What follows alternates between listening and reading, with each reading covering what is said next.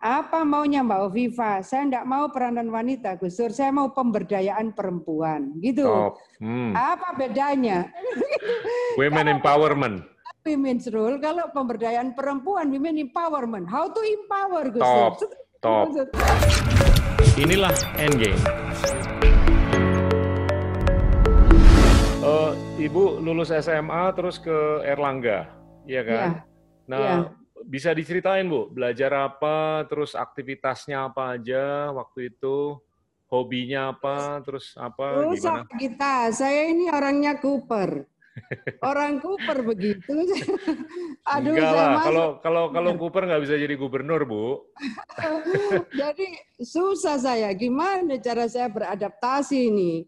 Jadi waktu itu kan kita masih uh, kita balik ya ke tahun 83 84. Tahun 83 itu pernah ada uh, dosen di UNER yang pakai jilbab. Terus disuruh pilih tetap di sini atau uh, lepas jilbab. Itu yep. 83. Wow. wow. 84 saya masuk UNER. Ya begini-begini model saya berjilbab tidak pernah berubah yang pakai apa gitu bagi aktivis kayak saya udah nggak sempet lagi tuh Pak Gita. Jadi kalau kerudung begini, saya sholat, saya wudhu sudah selesai pakai, nggak pakai cermin pun juga jadi gitu. Oh. Nah, saya tahun 84 adalah mahasiswi pertama pakai jilbab dan satu-satunya. Terus biasa. sudah mulai dibisikin teman-teman, eh kamu gitu, siapa namamu? Kofifa gitu. Kamu nanti uh, suruh lepas jilbab atau kamu keluar dari sini. Tak coba aja dulu. Saya bilang gitu. Wes tak coba edisi. Saya bilang gitu. Ya. Jadi uh, saya orang pertama di UNER yang diizinkan menggunakan jilbab. Waktu itu semua dosen belum boleh ya kita kembalilah di alam Orde Baru saat itu. Kemudian eh, mahasiswa satu-satunya yang diizinkan. Eh, baru setelah saya beberapa kemudian uh, ya ini akhirnya menjadi model sudah di DPR juga begitu Pak Gita. Iya. Jadi tahun 92, 92 ya. 92 kan Ibu masuk. Iya, 92 DPR. saya di DPR juga satu-satunya yang pakai jilbab. Bagi saya ya enggak apa-apa gitu. Tapi ya begini-begini aja model saya berkerudung. Kerudung saya ini kalau Pak Gita tahu harganya antara 9.000 10.000. tak kasih tahu. Kelihatannya Jadi kayak jauh lebih sekali. mahal dari 9.000, Bu. Karena Ibu yang pakai kali. Lihat aja model antara 8.000 9.000. Ya bagi saya yang penting enak dipakai, enough sudah. Siap. Nah, pola yang kemudian saya lakukan agak susah adaptasi saya saya agak banyak di masjid akhirnya sama Mas Wahyu, Wahyu Muryadi. Iya, iya, iya, teman lama. Wahyu Muryadi itu, beliau ketua ketua masjidnya tuh dulu. dia dulu masih alim ya. Aku juga ketemu Mas Wahyu zaman Gusur. Eh Mas Wahyu, kok rasanya beda ya?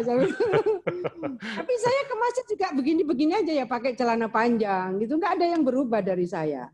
Jadi kalau pakaian saya pakai celana panjang, pakai blus-blus begini aja. Sudah dari dulu model saya begini. Nah, sudah akhirnya saya mencoba mengenali uh, lebih banyak lingkungan. Uh, saya tidak terlalu aktif di Hima Prodi, hmm. kemudian mahasiswa program studi ilmu politik. Siap. Saya uh, sudah masuk saja teman-teman bikin penelitian, saya ikut gitu uh, saya agak sering sih ikut ke lapangan. Kalau mereka lagi survei penelitian apa ke lapangan, saya senang bisa berminggu-minggu saya di lapangan gitu. Termasuk suatu saat uh, tempat kita melakukan penelitian itu di daerah di Probolinggo. Sak kampung gitu, sak kampung itu bisanya bahasa Madura. Jadi saya baru bisa keliling setelah saya punya anak kelas 4 SD, itulah yang apa menjadi translator saya. Tapi indah gitu. Saya menikmati uh, bagaimana sebetulnya kekayaan budaya di yeah. Jawa Timur ya. Jadi uh, orang sebut itu Madura Pendalungan, Madura Tapal Kuda. Dari mulai Pasuruan, Probolinggo, Lumajang sampai ke situ Bondo, Bondowoso, Jember itu masyarakat uh, apa uh, ruralnya rata-rata ya. mereka memang berkomunikasi dengan bahasa Madura sampai sekarang. Iya, Jadi uh, indahlah menurut saya keberagaman kita itu sebetulnya sesuatu yang tumbuh alami dan sesuatu yeah. yang sudah terbukti sekarang yeah. bisa membangun harmonious partnership. Betul. Jadi kalau ada gesekan ya itu mah sesuatu yang mereka sangat mudah untuk menyelesaikannya. Betul. Nah biasanya uh, agak apa uh, menajam gitu kalau ada yang nambah-nambah bumbu. Kasih biasa kecap lah, biasa. nah. Belajar belajar apa bu di UNER waktu itu? Fakultas apa? Saya ilmu politik. Wow oke. okay. dan saya berkesempatan. Jadi dulu itu kita kenapa belum mengambil politik bu? Oh. hobi atau disuruh atau apa Iya, disuruh. saya ini IPA, Pak Gita. Saya dapat PMDK dari FKH waktu itu. Oke. Okay. Jadi kenapa kedokteran hewan? Karena lingkungan kampung saya itu masih ada eh, termasuk bapak saya lah. Setelah ya. pensiun, kemudian bapak saya bikin ternak sapi perah gitu, dan saya hmm. kepingin mendalami itu. Eh, ibu saya tidak izinkan saya dapat PMDK jauh dari rumah gitu. Hmm. Harus dibangun apa mindset kita saya ini orang kampung, ibu saya nggak bisa lihat anak perempuan. Tapi dulu saya naik gunung itu karena kekuatan kakak saya yang meyakinkan ibu saya. Oh, Biar aja dia naik gunung, nggak boleh aslinya. Nah sudah begitu, akhirnya kakak saya bilang, sudah kamu masuk saja visip. Jadi dulu itu saya yang IPA dibelikan, ada kan bahan tes perintis satu itu loh dulu materi itu. Satu-satunya tempat saya tes sudah visip UNER, nggak ada saya tes di tempat yang lain. Untuk juga diterima. Karena wow. tadinya udah PMDK, sudah akhirnya terus masuklah saya di visip UNER, ilmu yeah. politik. Jadi uh, tidak banyak jurusan biasanya ilmu pemerintahan, tapi yeah, visip yeah, yeah. UNER itu ilmu politik. Dan waktu itu bersyukurlah saya mendapatkan uh, mata kuliah yang waktu itu harus ada apa persetujuan dari Kejaksaan Agung kalau tidak salah hmm. karena di mata pelajaran teori-teori politik di situ diajarkan uh, teori Karl Marx. Jadi okay. dialektika materialisme. Betul. Jadi hmm. saya termasuk yang di tahun 85 mendapat kesempatan pembelajaran bagaimana Karl Marx dari Jerman kemudian ke Inggris Betul. Uh, dan kemudian pada proses uh, reformasi industri di sana, bagaimana kemudian melihat ada uh, keluarga kakak beradik yang teralienasi, dia terasing Betul. dari dirinya, dari Betul. produknya, dari ya. pekerjaannya, dari masyarakatnya. Hmm. Ya, sekarang pun sebetulnya kalau kita terlalu banyak di depan apa katakan gadget, saya takut loh itu kita jadi teralienasi dari lingkungan kita. Betul dan iya. sudah mulai terjadi. Tapi gini Bu, kalau Ibu dulu ada pilihan untuk ngambil ilmu iya. politik ya. atau ilmu pemerintahan, Ibu ngambil yang mana? Kalau saya lebih aslinya lebih senang ilmu pemerintahan karena ya. saya kan terbiasa misalnya eh, dalam sekecil apa pun itu kita sudah biasa mengambil decision. Yeah. Jadi kita kan nggak ada ilmu public policy gitu kan nggak yeah. ada, tapi kita Betul. sudah harus mengambil decision. Kita hmm. we have to decide. Ada masalah apa, we have to decide kayak gitu. Jadi sebetulnya waktu itu ya karena di situ ilmu politik sudah saya menikmati karena kan pasti eh, apa ilmu per, perbandingan ilmu politik misalnya, yeah. kemudian teori-teori politik itu akan lebih kental karena yeah. memang eh, prodinya adalah ilmu politik bukan ilmu pemerintahan. Betul saya Tapi ilmu itu hmm. akhirnya cukup cukup banyak membantu saya mengenali bagaimana Sangat. perbandingan politik. Ya. Tapi gini Bu, ini ini uh, mengenai peran uh, wanita atau perempuan ke depan. Uh, saya atau Ibu itu lebih melihat uh, perlunya peran perempuan itu di pemerintahan atau di politik ke depan?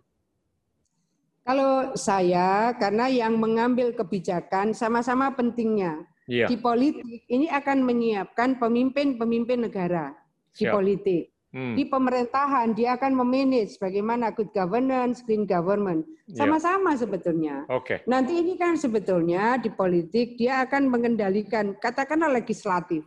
Hmm. Legislatif ini uh, proses politik ini. Betul. Kalau membuat peraturan perundang-undangan ini melalui academic draft. Siap. Tetapi ketika masuk di DPR, ini akan mengalami proses politik dan produknya juga produk politik. Jadi yeah. sebetulnya sama-sama lah. Ini harus 50-50 ya.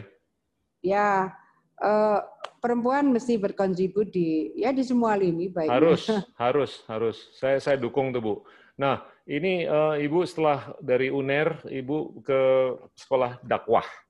Iya kan? Oh, itu sebetulnya bareng. Jadi gini. Oh, bareng. Oke. Okay. Bahkan lebih awal. Siap. Ibu saya itu ingin saya jadi bunyai. Ibu saya ingin saya jadi bunyai. Jadi sejak SMA saya sudah sekolah dua. Okay. Ijazah saya pertama yang saya kelas 2 SMA, sebenarnya saya sudah punya ijazah SMA lain. Masya Allah. Itu yang saya pakai okay. daftar hmm. di Akademi uh, Fakultas Dakwah di situ. Lalu ya. saya tetap melanjutkan sekolah uh, di mana saya berproses itu, itulah yang kemudian uh, sampai saya dapat PMDK, tapi akhirnya ibu saya tidak izinkan uh, ijazah itu yang saya pakai ke UNER. Jadi saya sebetulnya ngambil dakwah itu sambil kelas 3 SMA. Jadi malam kan itu. Wow. ya gitu. Saya ingin ngikuti jadi ibu saya ingin sekali anaknya jadi penceramah. Siap. Lalu suatu saat pernah saya tanya, kenapa ibu ingin saya jadi bunyai gitu?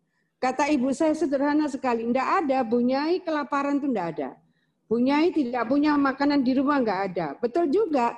Kalau sehari itu Pak Gita, saya kalau di Jakarta misalnya musim Maulid Nabi, sehari bisa lima titik loh saya. Lima titik itu ada lima berkat. iya. Itu protein berkat dan kalori semua tuh. No, makanya saya overweight terus sampai sekarang itu. Jadi kalau lima titik berarti saya punya berkat itu lima. Di mobil saya itu banyak sekali karena memang orang itu dengan sukacita gitu menyiapkan. Kalau ini kan orang menghormati hari kelahiran Rasulullah Muhammad SAW. Bayangkan itu makanan sudah dapat doa, dapat sholawat dan seterusnya. Hmm. Sudah gizi bagus dan insya Allah berkah dan sampai sekarang begitu. Sekarang masih sangat banyak daerah-daerah di Indonesia kalau Maulid Nabi itu memang semua cara menghormati Rasulullah, membaca sholawat dan kemudian mereka bawa apa saja gitu. Musim buah mereka bawa buah dan ya. seterusnya. Dan Betul. itu ibu saya kamu tidak akan kelaparan kalau kamu jadi anu apa beliau sebut bunyai gitu. Untuk bisa menghormati keinginan ibu saya, sudah saya kuliah saja di Fakultas Dakwah gitu. Siap, sudah. Iya, akhirnya saya kuliah dua. Dan ponaan-ponaan saya juga rata-rata kuliahnya dua gitu. Wow. Ya, wow. tradisi inspirasi. Ibu jadi inspirasi untuk seluruh anggota keluarga. Bu, terus itu Ibu ke UI kan ngambil S2? Ya, itu ya. sudah, sudah di Prosesnya DPR gimana itu. tuh, Bu?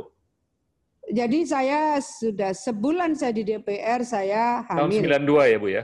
Ya, 93. Oh, 93. Oke. Ibu masuk ya. DPR 92 kan? Ya. ya. Setelah itu saya hamil, melahirkan sudah. Eh, kita waktu itu di pimpinan komisi. Jadi ada Prof. Fakhrudin almarhum ya. yang hmm. dulu rektor Unhas bilang, e, Bu Khofifa sebaiknya kuliah lagi. Kira-kira gitu. Jadi berat juga sambil kasih asi anak di mobil gitu. Kita kuliah di Depok lah waktu itu, oh, bukan di Depok. Kadang-kadang ya sosiologi kita Salemba. di Depok. Banyaknya di Salemba, beberapa mata kuliah di Depok. Ngambil apa Bu S2-nya? Politik juga. Masya Allah. Politik. itu berapa tahun? Dua tahun ya Bu? Atau satu tahun S2-nya? Lebih. Lebih, lebih. oke. Okay. Iya. Tapi Ibu jadi anggota DPR usia 27 tahun ya Bu ya? Iya. Itu yang termuda atau satu-satunya perempuan? Yang termuda Pak Gita. Masya Allah. Jadi beberapa uh, majalah nasional gitu Siap. sudah sempat menulis bahwa ini Hovifa termuda gitu kan.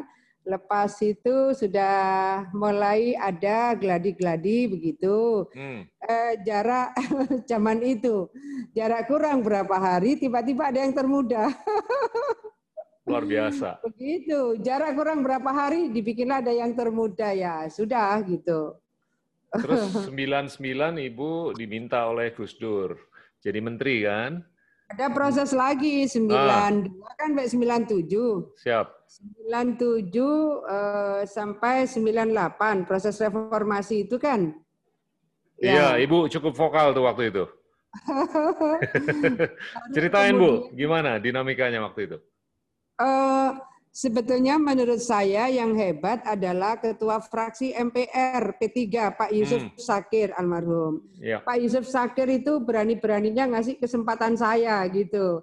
Ini anak kan ibaratnya anak liar nih gitu. Mereka tahu saya aktivis.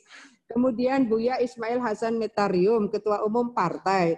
Itu juga berani. Jadi gini, saya ini di rumah biasa eh, majalah yang saya berlangganan itu memang saya sebutlah Tempo. Jadi ya.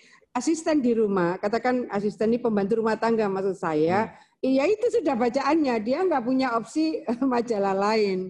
Wow. Itu yang dibaca di rumah. Sudah begitu eh, saya bacalah itu naskah pemandangan umum pertanggungjawaban presiden. Dulu kan hmm. ada tuh di sidang umum MPR. Tiba-tiba ini dua orang yang di rumah itu ikut mendengarkan. Setelah ikut mendengarkan, dia kemudian uh, bukan kritik lah, dia sampaikan ke saya, ibu itu yang ibu mau baca, gitu. Hmm. Terus hmm. kenapa? Masa begitu bu? Gitu. Bayangkan ini asisten di rumah yang bilang begitu. Terus kita dulu ada tradisi yang sangat bagus dulu di P3 itu siapa pun, siapa pun yang mau membaca di forum-forum pleno, apalagi sidang umum, harus selesai dulu di pleno fraksi, semua memberi masukan. Dulu ada tradisi yang menurut saya sangat bagus. Nah, giliran naskah itu saya baca, suara saya tidak keluar. Saya ini kan biasa orang bilang jurkam, bukan juragan kambing, Pak kita. Jurkam. Kampanye di alun-alun kita ini. Mas, suara saya bisa hilang. Betul-betul hilang. Hilang Dari kenapa, suara, Bu? Hilang nggak keluar karena apa yang saya baca tidak sama dengan hati saya. Ampun. Ah, sudah.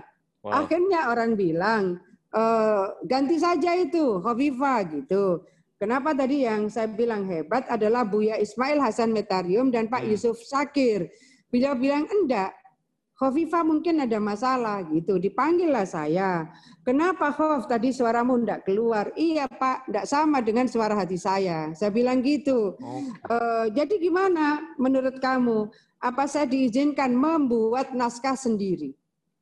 Terus beliau bilang, apa nutut? Sudah besok sore waktunya. Bapak izinkan saya menyiapkan besok pagi kita pleno, saya baca besok pagi, lalu silakan diputuskan. Sudah, Malamlah saya bikin itu naskah. Malam saya bikin, pagi jam 9 kita pleno, siang sudah dibaca di paripurna uh, sidang umum MPR. Wow. Jadi banyak yang kaget karena uh, ya suasana waktu itu suasana yang memang homogen. Hmm. Homogen ya. Hmm. Nah, hmm. ketika ada suara yang berbeda, pastilah bikin orang kaget. Saat itu saya sudah cerita reformasi politik. Reformasi politik itu bahasa yang sangat dihindari pada saat itu. Hmm. Dan seterusnya. Jadi eh, mungkin ya 95% itu itu saya bikin sendiri. Luar biasa. Malam saya bikin. Kenapa ada yang bilang kok kamu sepertinya hafal gitu. Gimana nggak hafal orang dari kita bikin sendiri. Jadi meski Dan dari hati. semalam Ya, semalam kita nggak tidur bikin itu, tapi kan hati kita sampai di situ. Betul. Ya, gitulah ceritanya. Wow, wow, luar biasa. Sejarah tuh. Sejarah. Ya kalau orang cerita reformasi politik sekarang mah makanan harian gitu ya. Tapi ya, ya, kita ya. 98 bulan hmm. Maret itu cerita reformasi politik beda, itu. Beda. Ya, nah, sesuatu yang ya. Fast forward ke 99, Ibu uh, jadi Menteri Pemberdayaan Perempuan. Ya. Itu langsung memimpin BKKB, BKKBN. Iya kan? Enggak langsung, jadi begini. Oke, nah gimana tuh Bu prosesnya? Karena uh, saya tahu Ibu dulu sebelumnya tuh apply tapi ditolak untuk iya. jadi staff di sana. Oh, itu apply. Aku daftar CPNS. Daftar CPNS BKKBN Surabaya. Baru gagal. jadi saya ini kepingin jadi pegawai negeri gitu loh. Okay. Lalu saya pilih BKKBN, eh gagal. Sudah, akhirnya saya ke parlemen itu. Lepas itu uh, Gus Dur bikin partai. Sudah, saya dipanggil Gus Dur. Waktu itu saya satu-satunya mungkin ketua partai termuda. Bukan ketua umum ya, salah satu wow. ketua. Hmm. Sudah akhirnya uh, Gusur jadilah itu sudah. Saya eh, bendahara eh, partai bukan partai ya kelompok gitu terus sama Gusur tadinya akhirnya diminta ke salah satu ketua gitu jadilah hmm. ketua. Lepas itu sudah ternyata PKB ini mendapat eh, sambutan masyarakat yang cukup bagus. Nah, Gusur jadi presiden. Hmm.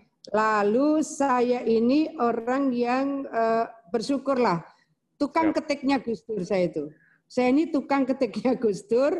Waktu itu Gus Dur sudah di apa Wisma Negara, Wisma Negara bukan di istananya. Siap. Di situ saya yang bagian ngetik. Habis begitu eh, tamu A, tamu B, tamu C yang sambil menyampaikan aspirasi untuk di kementerian itu Pak Gita. Siap. Jadi saya termasuk yang mendapat tugas nilpuni calon menteri ceritanya. Salah satu calon menteri adalah Ibu Profesor Saparina Sadli.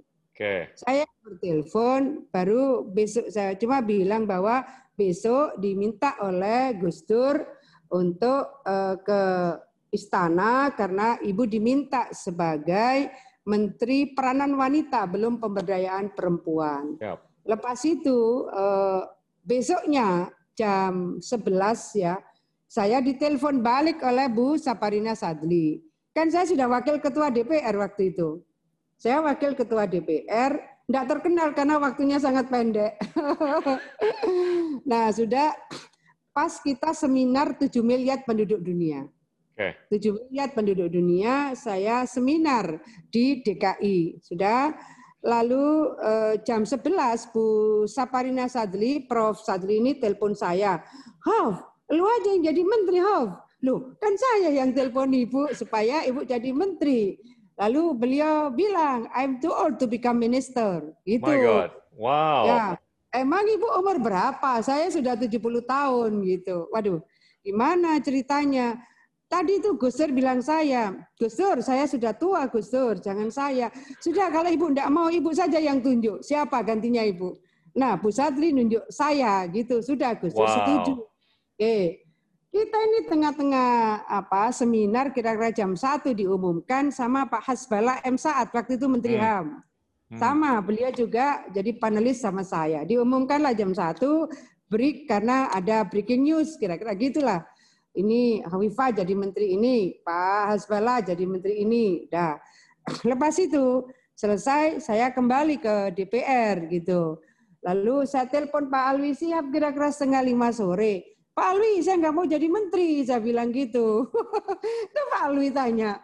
Dia bilang, Bu Hovifah jangan begitu, ini kan baru diumumkan presiden gitu. Saya bilang, begini loh Pak Alwi, saya ini tiga bulan terakhir selalu bilang, Menteri Peranan Wanita bubarkan. Bayang nggak? Aduh, itu betul-betul memercik itu di muka. saya ini sudah bilang, Menteri ini Menteri Karitatif Kenapa saya sebut menteri karitatif? Kan saya pimpinan pimpinan komisi yang ber, apa, bermitra dengan Kementerian Peranan Wanita. Ya. Masa dia punya anggaran setahun itu berapa? 9 miliar. Komisi 8 ya Bu ya? Ya, komisi 8. Jadi ya. saya bilang, wih kalau 9 miliar waktu itu harapan masyarakat luar biasa. Ini era reformasi, ekspektasi hmm. tinggi 9 miliar bisa bikin apa? Sudah.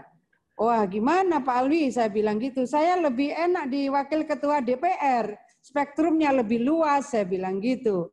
Jangan gitulah. Kalau gitu Bu Viva besok ketemu Gus Dur gitu. Pagi-pagi jam 8 saya sawan. Saya bilang Gus Dur, saya tidak mau jadi menteri. jadi begitu ceritanya. Terus Gus Dur bilang, sudah Bagaimana caranya supaya Mbak Khofifah mau? Gitu. Kalau sudah begitu itu presiden, tidak mungkin lah kita mau bilang iya, apa. Begini Gus Dur, iya. itu juga anu sekenanya saya bilang sudah begini Gus Dur, one gate policy system. Wah, iya, Yeah. Itu ibaratnya tiba saat tiba akal. Yeah. One gate policy system. Apa itu kata Gus Dur? Gini Gus Dur, kita punya problem pendidikan perempuan, kita punya problem kesehatan perempuan, yeah. kita punya problem kemiskinan perempuan, kita punya problem banyak perempuan itu yang akhirnya juga mandul karena dia menggunakan apa pestisida yang waktu itu tidak cukup friendly dengan kesehatan perempuan. Lalu apa maunya Mbak Oviva? Gini Gus Dur, biarlah anggaran pelaksanaan tetap di departemen dulu departemen ya, okay. tapi policy di Kementerian eh, Kementerian Negara awalnya itu yeah. eh, peranan wanita. Hmm. Itu setuju Gus Dur One Gate Policy System. Terus apalagi Mbak? Gini Gus Dur, namanya dirubah. Apa maunya Mbak Oviva? Saya tidak mau peranan wanita, Gus Dur. Saya mau pemberdayaan perempuan. Gitu. Hmm. Apa bedanya? Saya tidak bilang bedanya peranan wanita dan pemberdayaan perempuan. Anu Gus Dur, bahasa Inggrisnya. Saya bilang gitu. Women kalau empowerment. Women's role. Kalau pemberdayaan perempuan, women empowerment. How to empower Gus Dur? Top. Hmm. Setuju Gus Dur. Dipanggil lah waktu itu uh, Seknek ya, dipanggil tolong anu apa ini Bu Viva uh, dengarkan ini dia mau ini namanya pemberdayaan perempuan kemudian dia mau lagi uh, one gate policy itu berarti dimasukkan di dalam uh, kepres bahwa hmm. perencanaan kebijakan terkait dengan perempuan itu di Kementerian Negara Pemberda Pemberdayaan Perempuan. Siap. Saya sebetulnya sudah nawar waktu itu, Gus Dur, bagaimana kalau pemberdayaan perempuan dan anak sudah, hmm. janganlah. Sudah anak sekarang deputi saja, jangan nama, jangan nomenklatur kementerian. Hmm. Anak deputi saja, nanti kalau sudah jalan, baru nanti jadi nomenklatur kementerian. Jadi seru. Nah, setelah itu kemudian selesaikan kepres itu. Masuklah BKKBN. Pusing saya BKKBN karena saya waktu itu gimana ya anak saya sudah tiga, gimana anak saya sudah tiga, kemudian eh, eh, ceritanya agak agak spesifik sih memang BKKBN. Lalu ceritalah eh, Gusur bahwa anu Mbak Hovifa, ini soal keluarga, ini harus dibangun kualitas keluarga. Jadi hmm. family resilient itu penting, ketahanan keluarga ini penting, A, B, C, D, E gitu. Sampailah kemudian uh, sudah berjalan enam bulan saya hamil. Saya lapor ke Gus Dur, Gus Dur, tidak enak saya kepala BKKBN, saya ini hamil lagi. hamil yang keempat lagi. Ah, terus apa kata Gus Dur? Ya tidak apa-apa, wong punya suami. gitu aja kok repot. Aduh, gimana lah ini. Akhirnya uh, saya sebenarnya waktu itu disupport oleh PricewaterhouseCoopers. Jadi hmm. Yang juga punya peran cukup besar menurut saya membantu adalah Pak Kamal waktu itu. Iya, iya, uh, iya. Pimpinan PricewaterhouseCoopers. Saya iya. dikasih free, free of charge semua. Iya. Mungkin sekarang itu kakak ipar saya tuh. Jadi waktu itu saya disupport untuk melakukan retreat. Retreat ini seluruh apa eh, tim-tim pengambil keputusan lah. Hmm. Lalu di situ ternyata kesimpulannya uh, seyogianya sudah tidak lagi uh, dua anak cukup, tapi keluarga berkualitas. Wah, ketemulah saya. Jadi ibaratnya dua tiga anak tapi berkualitas. tapi tanya beliau, ini bukan sesuatu yang didesain tertentu enggak. Saya waktu itu dibantu melakukan assessment untuk memilih kepala BKKBN yang masih vertikal hmm. di kepala BKKBN tingkat dua se-Indonesia. Beruntung sekali karena dari situ kemudian sebetulnya kalau kita sebut merit system, birokrasi kita impersonal, itu betul-betul uh, saya mendapatkan ruang yang luar biasa, mendapatkan katakanlah ini skuadron di BKKBN yang luar biasa. Wow. Uh, mungkin waktu itu baru BKKBN yang instansi vertikal bisa melakukan assessment dan langsung disupport oleh lembaga seperti setingkat lah PricewaterhouseCoopers. Wow, luar biasa, luar biasa. Inilah Endgame. Di episode Endgame berikutnya. 19 kabupaten kota di Jawa Timur ini akan pilkada serentak. Iya. Jadi mereka bisa tetap mengikuti itu. Jadi pendewasaan politik, pendewasaan demokrasi bisa berjalan pendidikan Keren. bisa tersupport, UMKM dan BUMDes juga bisa tersupport. Iya.